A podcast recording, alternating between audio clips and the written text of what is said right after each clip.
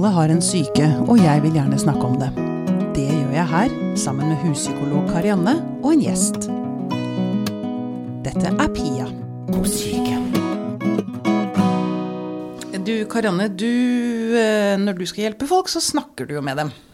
Det er veldig mye prat, ja. Ja. Men også mye kjenne på følelser. Ja. Kjenne på ting. Kjenne på ting. Men ditt verktøy er samtalen. Det er det. Ja. Nå skal vi snakke om et annet verktøy, nemlig kunstpsykoterapi. Velkommen hit, Åse Minde. Takk. Du er vel en av de beste i verden på dette, er du ikke det? Nei, det, det, er, så stor, det er for store ord, men jeg har brukt det meste av livet mitt på det. Ja, og og det var begyn- den første i Norge, da. Vært en pioner i Norge. Ikke sant? Du fikk Kongens fortjenestemedalje i fjor. Ja, det Gratulerer. Var, var veldig æresfullt. Ja, det og skjønner jeg. totalt overraskende. Ja, nettopp. Ja. Men du har holdt på med det feltet altså i hvor mange år? Eh, Jeg har jobbet på, I januar har jeg jobbet på syk, Oslo universitetssykehus. Det har jo skiftet navn gjennom årene. Fra Ullevål, Aker og alt sånt. Men eh, i 40 år. 40 år. Mm. Og før det har jeg jobbet i psykiatrien i Frankrike, England og USA. Jeg studerte jo i England og USA. Akkurat. Nettopp. Internasjonalt eh, her, altså. Ja. Ja. Du, da må vi begynne på begynnelsen. Hva er kunstpsykoterapi?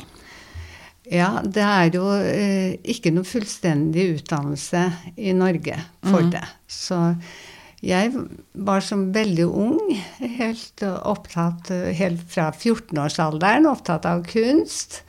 Og lurte på liksom, skal jeg gå inn i kunsten, eller psykologi var jeg opptatt av i ungdomstiden. Så slo du det sammen. Så slo jeg det sammen. Du, jeg må bare komme en lite Ja. Gro Trondalen svarte akkurat det samme. Hun snakker om jobber med musikkterapi. Akkurat. Hun sa akkurat det samme. Ja. Ja, morsomt. Ja, og så var jeg som veldig ung, bodde jeg i Paris. Og da kom jeg over en bok som var skrevet av en av pionerene innen kunstterapi. da. Og så tenkte jeg jøss, går det an å kombinere både kunst og, og psykologi? Ja. Og så fant jeg jo ut etter hvert da, at det var den første utdannelsen i verden ble startet i England, i St. Albans i 1969. Og så var det i 72, tror jeg, at det var tre universiteter i USA som begynte en kunstterapiutdannelse.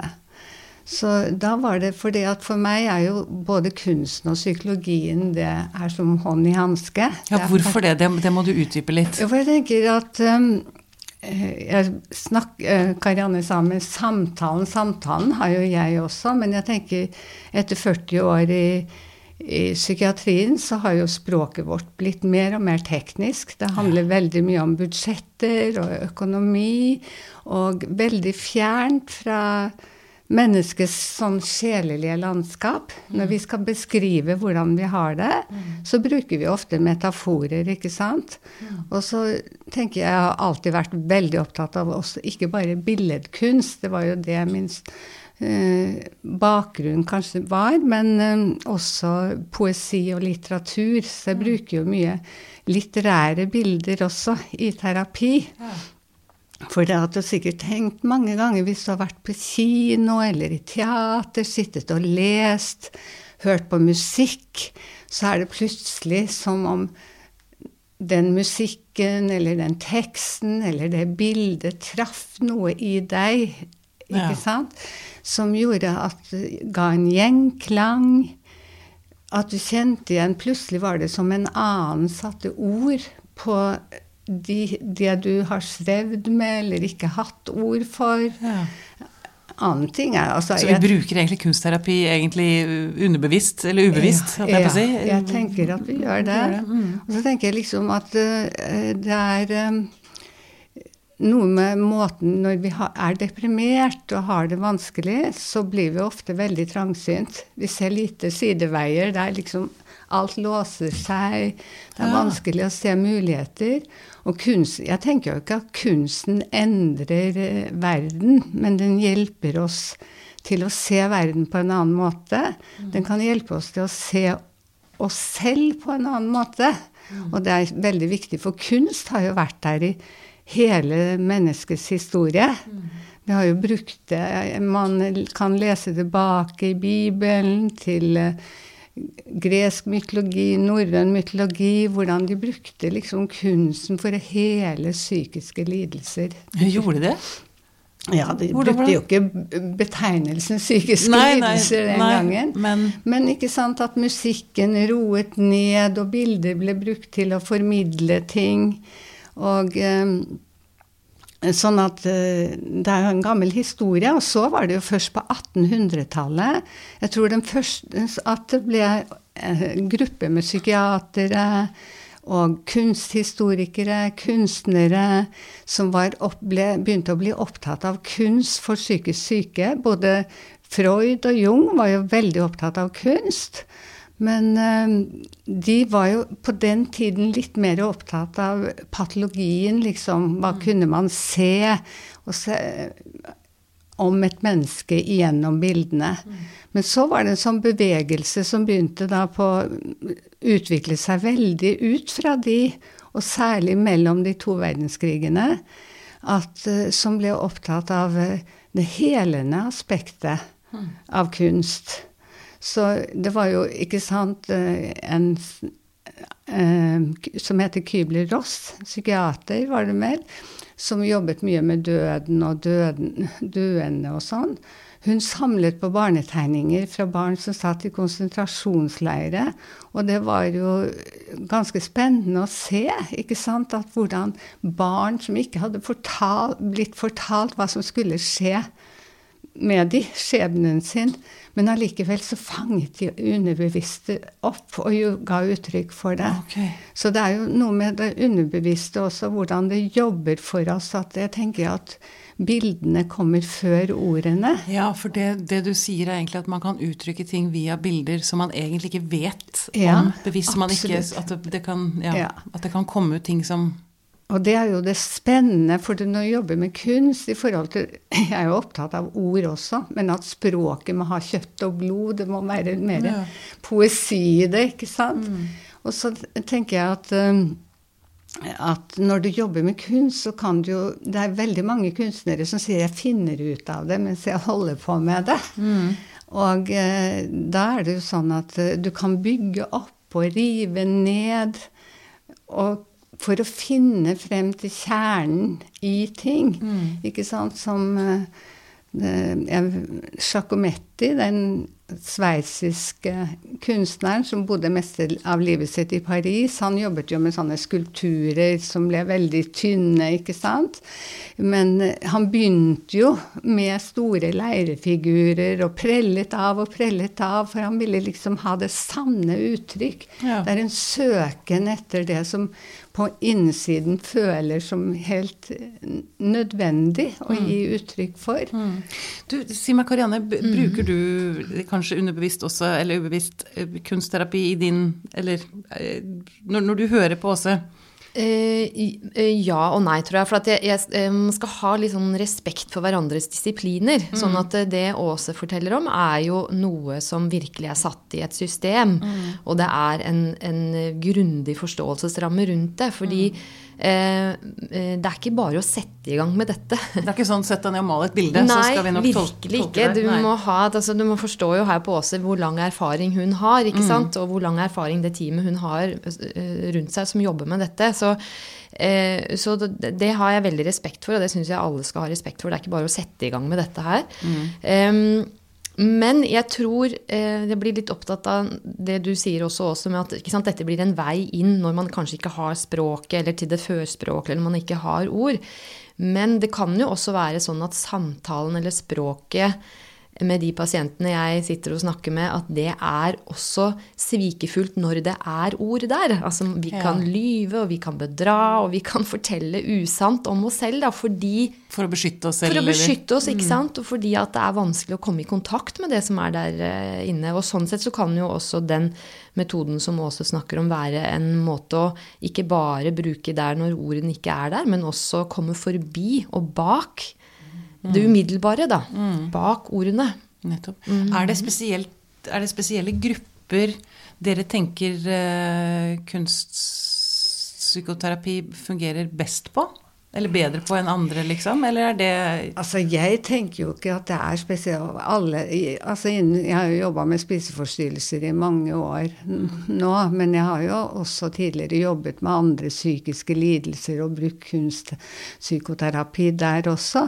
Men det er noe med å møte den personen, den individet. Jeg er mm. mye mer opptatt av individet enn diagnosen. Det er så feil å mm. møte en person ut fra en diagnose, ikke sant? Mm. Og på min eh, poliklinikk så er vi opptatt av å skreddersy et behandlingsopplegg for den enkelte som passer den enkelte. Og da er det jo sånn når du bruker kunstpsykoterapi også De fleste får jo stor frykt eller skrekk når de blir Hvis du skal sette deg ned og tegne en følelse du må liksom, Det er noe med samspillet mellom pasienten og terapeuten. da, så, Sånn at du må kjenne Alle mennesker er opptatt av et, et eller annet. Og noen vil jo kanskje si da at jeg har ikke noe peiling på kunst, jeg kan ikke. Men hvis du begynner å snakke med dem, så er de kanskje opptatt av en TV-serie. Hvorfor er de opptatt av den? ikke sant? Ja. Så får du der å finne et møtested hvor du kjenner at du kan For det er veldig viktig det Karianne sa med å nå bak. Mm. For vi har jo så mye filtre. Mm. Mm. Og da, ikke sant, sånn som for mange år siden så hadde jeg en pasient som var veldig, veldig alvorlig undervektig, og, og med det følger også veldig tvang ritualer i forhold til mm. Ja. Mm. Sånn at eh, Og hun var, kom fra en annen kultur. Hun var vant til å, at du skal ikke snakke.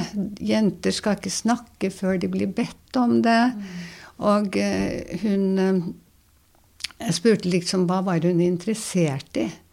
Og det var jo også en clash. Hun hadde bodd det meste av livet sitt i Norge, en clash mellom forskjellige kulturer. Hun var så opptatt av eh, poesi. Og, eh, ja, og poesi som ikke jeg eh, kjente til. Jeg er jo veldig opptatt av poesi selv. Og så spurte jeg kan du ta med et dikt som du er veldig glad i. Og så kom hun og leste det på sitt morslang språk. Mm.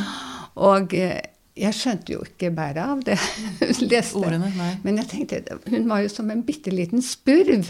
Og så reiste hun seg opp og leste det diktet for meg med en sånn innlevelse, ikke sant?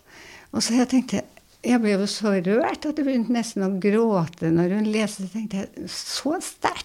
En kraft der plutselig. Ja, mm. Og så ble jo jeg da gjennom henne introdusert til den poesien hun likte, så jeg satte meg inn i det og lånte bøker og kjøpte bøker og fikk det oversatt til norsk og sånn. Så det, og gjennom de diktene så kunne vi begynne å snakke sammen, ikke sant. At hun Eh, hun fant Det var jo alltid dikt som stemmet med hennes indre konflikt. Ja. ja. Og så etter hvert så fikk hun sin egen stemme. Ja. Så, ikke sant? Og det samme gjør det med bilder. Det kan være bilder, det kan være tekst i en bok. Du må begynne der pasientene er, eller det du jobber med. Men hvordan når man begynner, hvordan jobber du helt konkret? Nå har du, Det var et eksempel der, men sånn som med er det sånn at du liksom kommer til første time og blir bedt om å male et bilde, eller? Nei, nå er, er, det jo ikke sånn når du, når du blir, kommer på min poliklinikk, så blir de, de må jo være da rettighetsvurdert på en DPS eller mm. en BUP. Og så har vi fem uh, eh, vurderingstimer med de. Og det er samtale. De fyller ut sånn psykometriske tester som de gjør på alle spesialsteder for spiseforstyrrelser. Mm. Men så har vi lagt til en tillegg. Og det ønsker vi å gjøre forskning på. Da vi begynte for tre år siden at de skal også Du blir bedt om å, at du kan jo tegne et tre. Mm. Og så tenke på deg selv som et tre. Hvordan jord vokser du i? Er det et gammelt tre, et ungt tre? Mm. Og så de, skriver de litt. De blir spurt hvis det er gartner, hva vi trenger det treet. Mm. Og så lager de det ved begynnelse og slutt. Og det er veldig spennende, fordi vi ser jo at noen ganger samsvarer det helt med psykometrien, og andre ganger så har det treet fanget opp mye mer enn det vi får i de psykometriske testene. Ja. Så det er jo det er en del av vurderingen. Men så når de kommer til terapi de, Vi bruker jo det både individuelt og i gruppe. Så når vi jobber med det individuelt, så er det jo jobbe mest spontant ut fra det som kommer i samtalen mellom oss. Og så sier jeg kan du finne et uttrykk for det, og da kan de, de kan lage kollasj. Jeg kjempesvær eske med kort fra hele verden. De kan be- finne kort som kan kjenne igjen, som forteller noe om seg. Det kan være en begynnelse. Eller at de maler eller lager leireskulptur. Veldig spennende. Det jeg alltid har vært så nysgjerrig på, nå har jeg jo deg her også, så da kan Ja. jeg spørre om det. For det er nettopp med tanke på den gruppen som du jobber med, da, Ja. så er det jo mange som, av de som nettopp kan streve med perfeksjonistiske trekk og, eh, og, og, og kanskje rigiditet, og blir opptatt av å gjøre ting veldig riktig. Og sånn sett så kan man jo tenke altså, at det altså, Hvis man forstår det som et forsvar da, mot å komme i kontakt med det inni seg som kanskje kjennes skrøpelig eller utilstrekkelig, på en måte, så hvordan så vil jeg tro at det spiller seg veldig ut når man begynner å lage disse tingene i terapien. Så hvordan, hvordan, jobber, hvordan kommer man forbi akkurat det forsvaret der? Eller hvordan jobber man det sånn at ikke det skal være et produkt de skal på en måte presentere? Da? Prestere noe, ja, liksom? prestere, at det blir en ny bli prestasjon, da. Ja. Ja, det er, det er viktig spørsmål, det du sier. Og det er jo, det er, det er jo også noe med å være, alltid ligge ved siden av pasienten og ikke langt foran og presse de inn i ting som de er redde for. Men det, som regel så blir det jo etter hvert så løsner det når de jobber. Men, og det er forskjell fra individuelt når du jobber individuelt og i gruppe også. Hvordan du gradvis må nærme deg, og at de ser at det er en mening. Og så er det jo det som er det fine med bilder, er jo også den bestandigheten. For det du sa for to uker siden, det kan du ha glemt, men bildet er der. Og når vi, de, vi har jo en sånn behandlingskontrakt på tre år, så de får jo gå i terapi. Og de, det ser vi jo at mange, veldig mange trenger. Noen går et halvt år, og mange går lengre. Og da har vi jo en sånn eh, at når de går i gruppe, også individuelt, så før de slutter, og kanskje en gang i året, så legger de frem alt det de har laget. Og da får jo mange som har det helt skrekk for å begynne å male. De kan si 'oi, ja, men det har jo skjedd noe med meg'. Det har jo skjedd en veldig endring. Og så blir de jo bedt om kanskje de har fylt, Vi har jo store grupperom hos oss. Og det er kanskje én pasient har fylt hele rommet med alt det de har laget over tre år. Så er det som en reise ikke sant, fra da de begynte til de slutter. Og da blir de bedt om å plukke ut de to tingene som har vært viktigst. Og det er også veldig spennende, for det pasienten tror har vært viktigst, jeg mener har vært viktigst for de som har virkelig eh, laget et avtrykk, så er det kanskje et helt annet vi som terapeut har tenkt hva er det viktigste for dem. Ja. Og og så er det spennende også i gruppe, for da blir gruppen som Hvis en skal slutte, for det er jo sånn slow open at vi tar inn en ny når en slutter. Og da går gruppene rundt i det rommet og ser på kunstverkene. Oi, som du har endret deg. Men så blir også de andre gruppemedlemmene eh, bedt om å ta ut ett bilde fra den pasienten, ett eller to fra den pasienten som skal slutte. For si, fordi det er jo sånn i grupper, du har jo jobbet med grupper selv, ikke sant, at det du gjorde hjalp meg til å se noe i meg selv. Og det er veldig fint når de, de får jo som en gave tilbake at Oi, det bildet du lagde den gangen av deg og din mor, det endret noe i meg og fikk meg til å se noe i meg selv. Så de får tilbake på den måten, og det er veldig, veldig fint, da. En annen ting er jo det der som jeg nå jobber med individuelt også ikke sant, jeg, jeg tenkte på en annen som jeg jobbet med i mange år, som er helt frisk i dag. Og hun var jo veldig ung, hadde gått ned enormt i vekt og aldri vært overvektig. Hadde vært veldig eh, tynn. før hun kom i behandling, og så hadde hun gått ned veldig. Og hun lagde bare sånne tusjtegninger av skjelettkropper. Og hun sa 'jeg vil heller dø enn å legge på meg'. For det er så truende, ikke sant, ja. det med å gå opp i vekt. For det handler Vi ser jo veldig på det som med identitet. Mm. Og spiseforstyrrelsen har blitt en identitet. Så de føler seg tomme innvendig. ikke sant? Så eh, hvis jeg slutter å være tynn, så kanskje ikke andre Da tror alle alt er bra med meg, eller hvem er jeg da? Så, så jeg sa til henne liksom Fordi at det var så motstand på å gå opp i vekt, og så må vi ha det som et mål. Og så sa jeg til henne at eh, når jeg ser på de figurene Og vi lever jo i en verden som er så krevende, ikke sant? Det er vanskelig å navigere gjennom et liv. Mm. Og hvordan er det å gå ut i verden så hudløs? De kroppene dine har jo ikke noe hud. Mm. Men, og du ville ikke liksom gå opp i vekt, men kunne den kroppen få, i hvert fall få hud? Ja.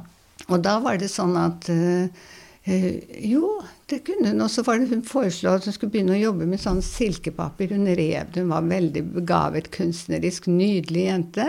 Men hadde jo ingen tro på seg selv. Og så eh, er det sånn hun begynte å rive og lage kunstverk ut av det silkepapiret. Men når du bruker vann, så limer det jo seg sammen. Mm. Og så blir det litt sprøtt når det, når det tørker. Så sa hun det, det er jo som hud.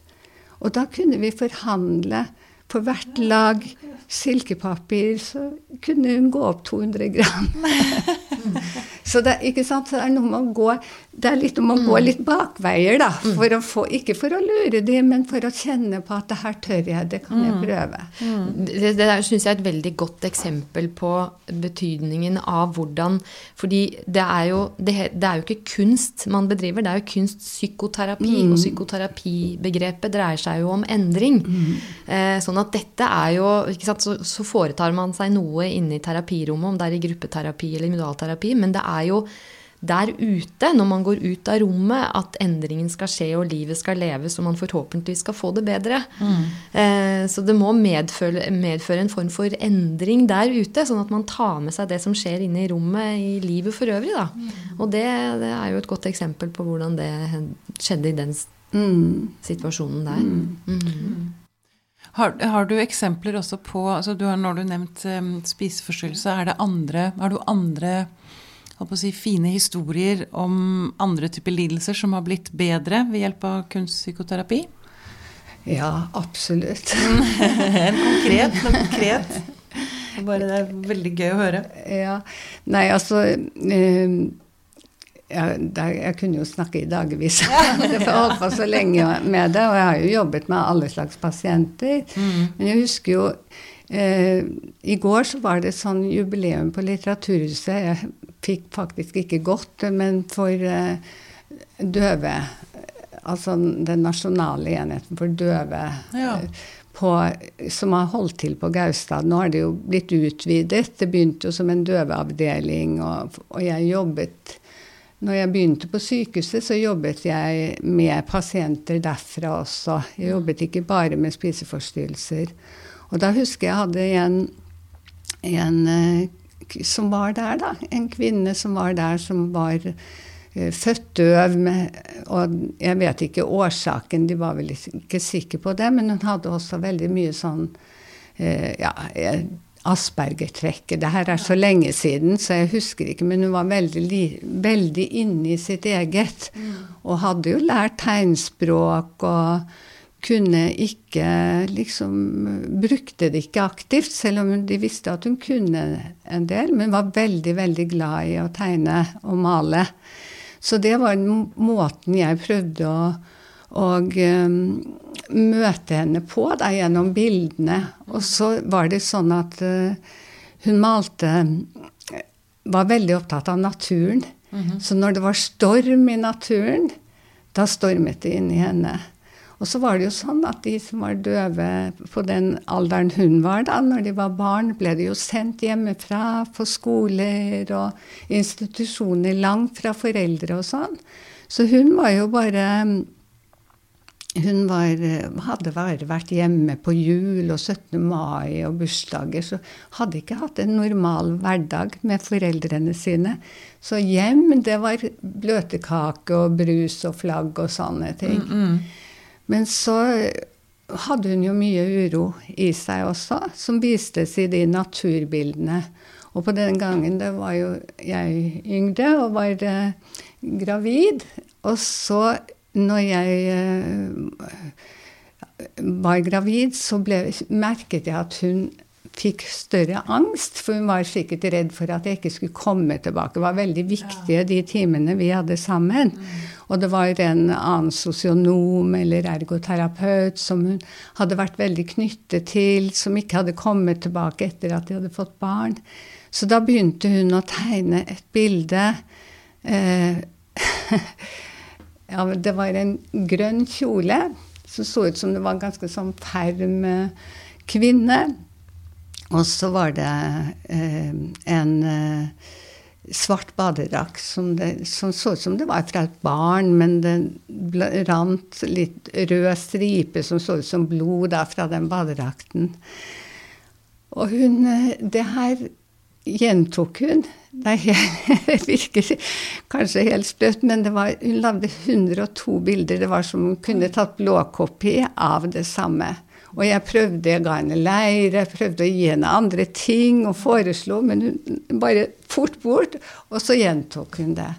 Og da, hun var vel i 20-årsalderen i den mm. gangen, tror jeg. For det her er jo mange, mange år siden. Mm. Men um, så tenkte jeg da hvis hun ikke blir sprø av det her, så blir jeg det. Mm. Så jeg tok bildet hennes, og så tegnet jeg en, en kvinnefigur på den grønne kjolen, for det så ut som et ferm voksen kvinne, og så et barn på den svarte badedrakten. Mm. Og da tok hun det umiddelbart tilbake, og så lagde hun et klosett, og så en stor hånd med pekefinger på den kvinnen, og så fy. Og så en pakke med bind, da. Og så tenkte jeg har, hvor mye har hun blitt fortalt for, om seksualitet, om menstruasjon, om svangerskap? Er det, skaper det noen frykt i henne? Og så tok jeg og tegnet en rekke med kvinner, og så skrev jeg de menstruerer fra de er sånn 13-14 og til de blir 50, og det er helt normalt. Skrev. Og da brettet hun det sammen og inn i BH-en med det bildet jeg hadde tegnet. Og det kom aldri tilbake. Da Ble, så det var rett og slett det hun trengte å få forklart? Ja. Så det, du kan jo bruke det på mange, mange måter. Også med sånn uh, somatisk sykdom og sånn også. Jeg tenker liksom hva jeg har jo vært ganske frisk i hele livet mitt selv, men jeg, for en sånn eh, ja, ni år siden så fikk jeg kreft. Og det var jo liksom sjokk, for jeg hadde aldri vært borte på jobben. Mm. Ja, men eh, det, jeg har jo vært heldig, så det har gått veldig bra. Men, men det var jo et sjokk. Mm. Og så måtte opereres og få cellegift og sånne ting. Men da husker jeg at, at Eh, når jeg lå på det operasjonsbordet rett når jeg fikk den narkosen, for du vet jo ikke hvor mye de har fjernet og sånn innvendig, så kom det et sånt bilde eh, til meg om eh, et bilde av eh, en japansk kunstner, Hokusai. Den der store bølgen heter det. Det kom opp veldig. Det bildet ble brukt mye i forbindelse med den tsunamien og mm. hvor så mange døde. Men eh, jeg hadde ikke vært spesielt opptatt av han, og det bildet hadde jeg sett mange år før på museum i Metropolitan i New mm. York. Mm. og så og der er det jo noe sånt, det er jo det Fiji-fjellet i bakgrunnen som er veldig solid, og så er det den svære bølgen, og så er det jo noen sånne små båter med fiskere, og du tenker jo vil de bli tatt, eller kommer de i havn? Det var det siste jeg husker før jeg gikk inn. Ja, nettopp. Det beskrev egentlig innsiden din? Ja, at jeg var, følte meg ute på et stormfullt hav. Mm. Men så hadde jeg en fantastisk kvinnelig kirurg. Mm. Og hun jeg har vært veldig opptatt av hennes hender. For jeg tenkte jeg er under veldig gode hender. Mm. Så hun, for meg var hun fjellet Så jeg tenkte at jeg kommer til det fjellet. Og det var en underlig opplevelse, for at uh, etterpå så fortalte jeg henne om den opplevelsen. Og så sa hun Hun syntes jo jeg hadde vært så rolig i forbindelse med det. da. Og så sa hun det er veldig rart at du sier det, for det bildet henger på mitt soverom. Nei. For jeg så det på Metropolitan Museum of Art også. hadde hun ja. også sett og kjøpt et, et bilde og hengt opp der, da. Så- Så ikke sant, det er igjen det underbevisste som jeg tror hjelper oss noen ganger, da. Ja, nettopp. Og, ja. Ja. Og, og, så, viser jo det um, eksempelet noe om eh, hvordan man kan få en nærhet til noe ved å likevel ha en viss avstand. Men det er det paradoksale litt i det her, og som jeg igjen blir opptatt av at dette her er det ikke bare å sette i gang med. Her må man, være, altså, man må ha en kompetanse på det. da, fordi den historien du forteller om hun andre jenta som tegna, så tenkte jeg um? Man får en avstand til noe som er inni seg. altså Man har et, et, noe å se på, en tegning. Eh, og så er jo hele poenget er at man skal få en nærhet til det som eh, er vondt og vanskelig. Eh, og da må man ha en forståelse for hvordan dette henger sammen. Man må ha en noenlunde forståelse om mekanismer og endring og hvordan det kan skje, sånn at ikke det blir en, et, et nytt forsvar. En, en ny tegning man bare sitter og ser på, men som ikke har noe som helst å si med hvordan man har det inni seg. Da. Veldig riktig. Veldig viktig det du sier. For jeg har jo også veiledet mye. Og i og med at nå har de jo fått som på høyskolen, eller nå har det blitt MET, det er universitetet på høyskolen, de, har hatt, de feirer 20 år siden de begynte med sånn bildterapiutdannelse. Som har vært veldig flinke lærere og sånn, men det er jo en tilleggsutdannelse til en annen helsefaglig utdannelse. Og det er ikke en fullstendig kunstpsykoterapeutisk utdannelse. De ønsker vel at det skal bli det på sikt. Men eh, det er også, ikke sant, så er det mye sånne halvstudier. Og jeg har vært opptatt av at det er et seriøst Det er, et, eh, det er en filosofi bak og kunsten og psykologien er like viktige. Og du kan, ikke, du, kan, du kan ikke bare sette i gang og male. Du må vite, du kan ikke ta noen inn i skogen og forlate de der. Du må hjelpe de ut. Ja. Og derfor da må du kunne faget. Det er, det er jeg veldig opptatt av, da. Men hvis, hvis man øh, har lyst til å begynne i Ja. kunstpsykoterapi, kan man det uten å være inne inn i DPS, BUP Øh, altså, Det noe- Finnes det privatpraktiserende? Eh, Det finnes jo noen som jobber med det privat, men mm. veldig få. Ja. Også, Det høres synd ut. Det høres ut som Ja. dette er et bra Mm. verktøy. Ja. Og det er jo en godkjent utdannelse i mange år, i mange land. ikke Mm. sant? I USA, England, Frankrike. Når jeg gikk der, så var det jo vanlig å ta det ikke sant, opp til master. Nå er det jo de fleste går opp til ph.d. Og med det også, så det er jo en grundig, utdannelse og brukt i veldig, veldig mange sammenhenger. Både forebyggende og i terapi, da. For jeg tenker jo liksom kunsten er, er så viktig, ikke bare i terapien, men i livet vårt. For å hjelpe oss gjennom Vi vil jo alle møte kriser eh, i livet. Og da, den gangen jo jeg holdt på med sånn cellegift, kunsten var, og naturen og poesi og kunst var så viktig for å få påfyll til å hjelpe til å komme gjennom vanskelige situasjoner. Ja. Og så tenker jeg også, Barn bruker jo det der eh, helt naturlig. Altså, De gjør det. De uttrykker seg jo via Ja. maling, tegning. Ja. Og det går det slutter vi liksom med når vi blir voksne. Det er veldig det er synd. veldig trist. Det er veldig trist. og synd. Winnicott skriver jo mye om ikke sant, det potential space og det rommet som består liksom av leken. Mm. Og det å bli på en måte, Det er så kjempeviktig. Mm. Og den kreativiteten er jo i oss alle. Mm. Men det stopper fordi at vi har, det er noe med det at vi skal være så perfekte Ja, ja. og ordentlige. Det er Det var så vel fokus- Picasso som sa noe om det at eh, alle er kunstnere, men vi utdanner det bort, eller noe sånt, når vi tar det vekk fra barna. Mm. Veldig trist. Veldig synd. Men det er vel noen eh, i historien som eh, aldri slutta med det. Det er jo noen malerier som er nokså skrekkelige å se på, men hvor det er lett å tenke at vedkommende har nok sikkert fått det bedre etter å ha malt det. Ja, Ja, Skrik, for eksempel. jeg noterte 'skrik' her i sted. Ja. Det er, og det er jo et bilde som man kan se på og tenke ja, Ja.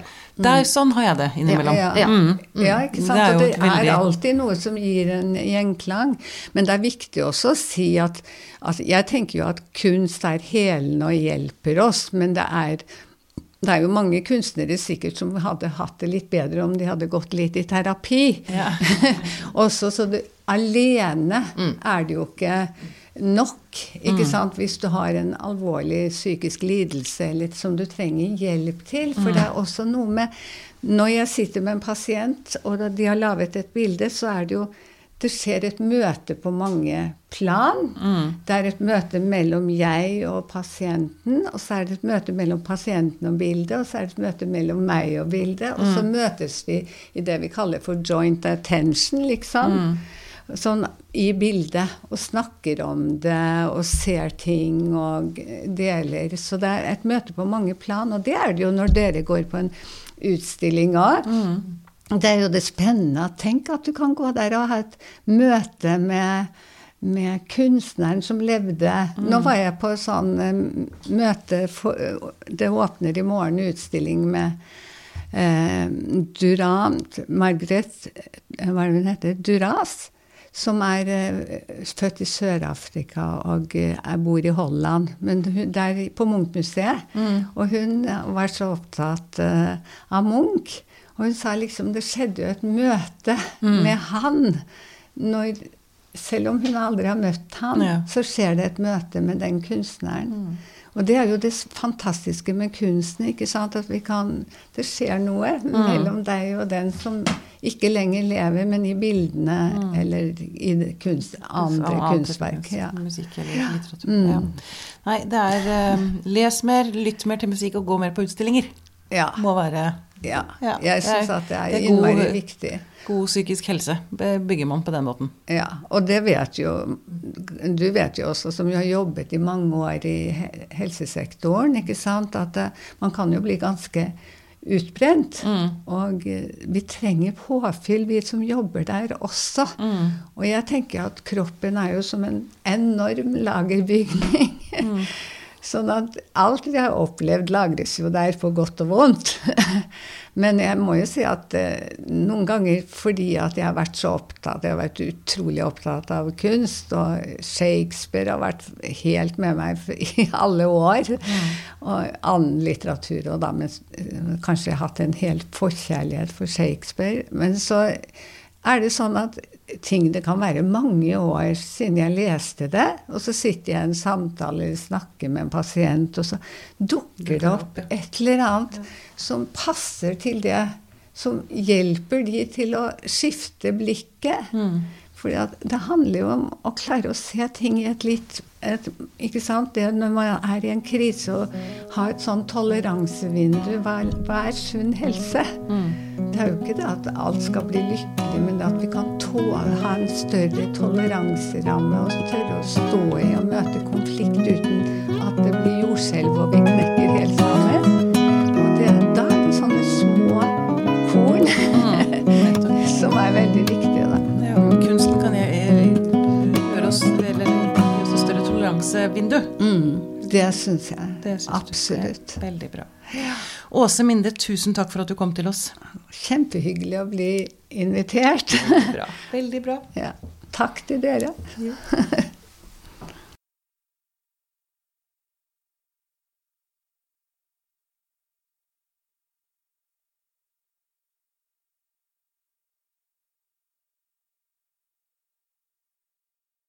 Denne Podkasten er produsert av Tid og Lyst. Med støtte fra Ekkos legat.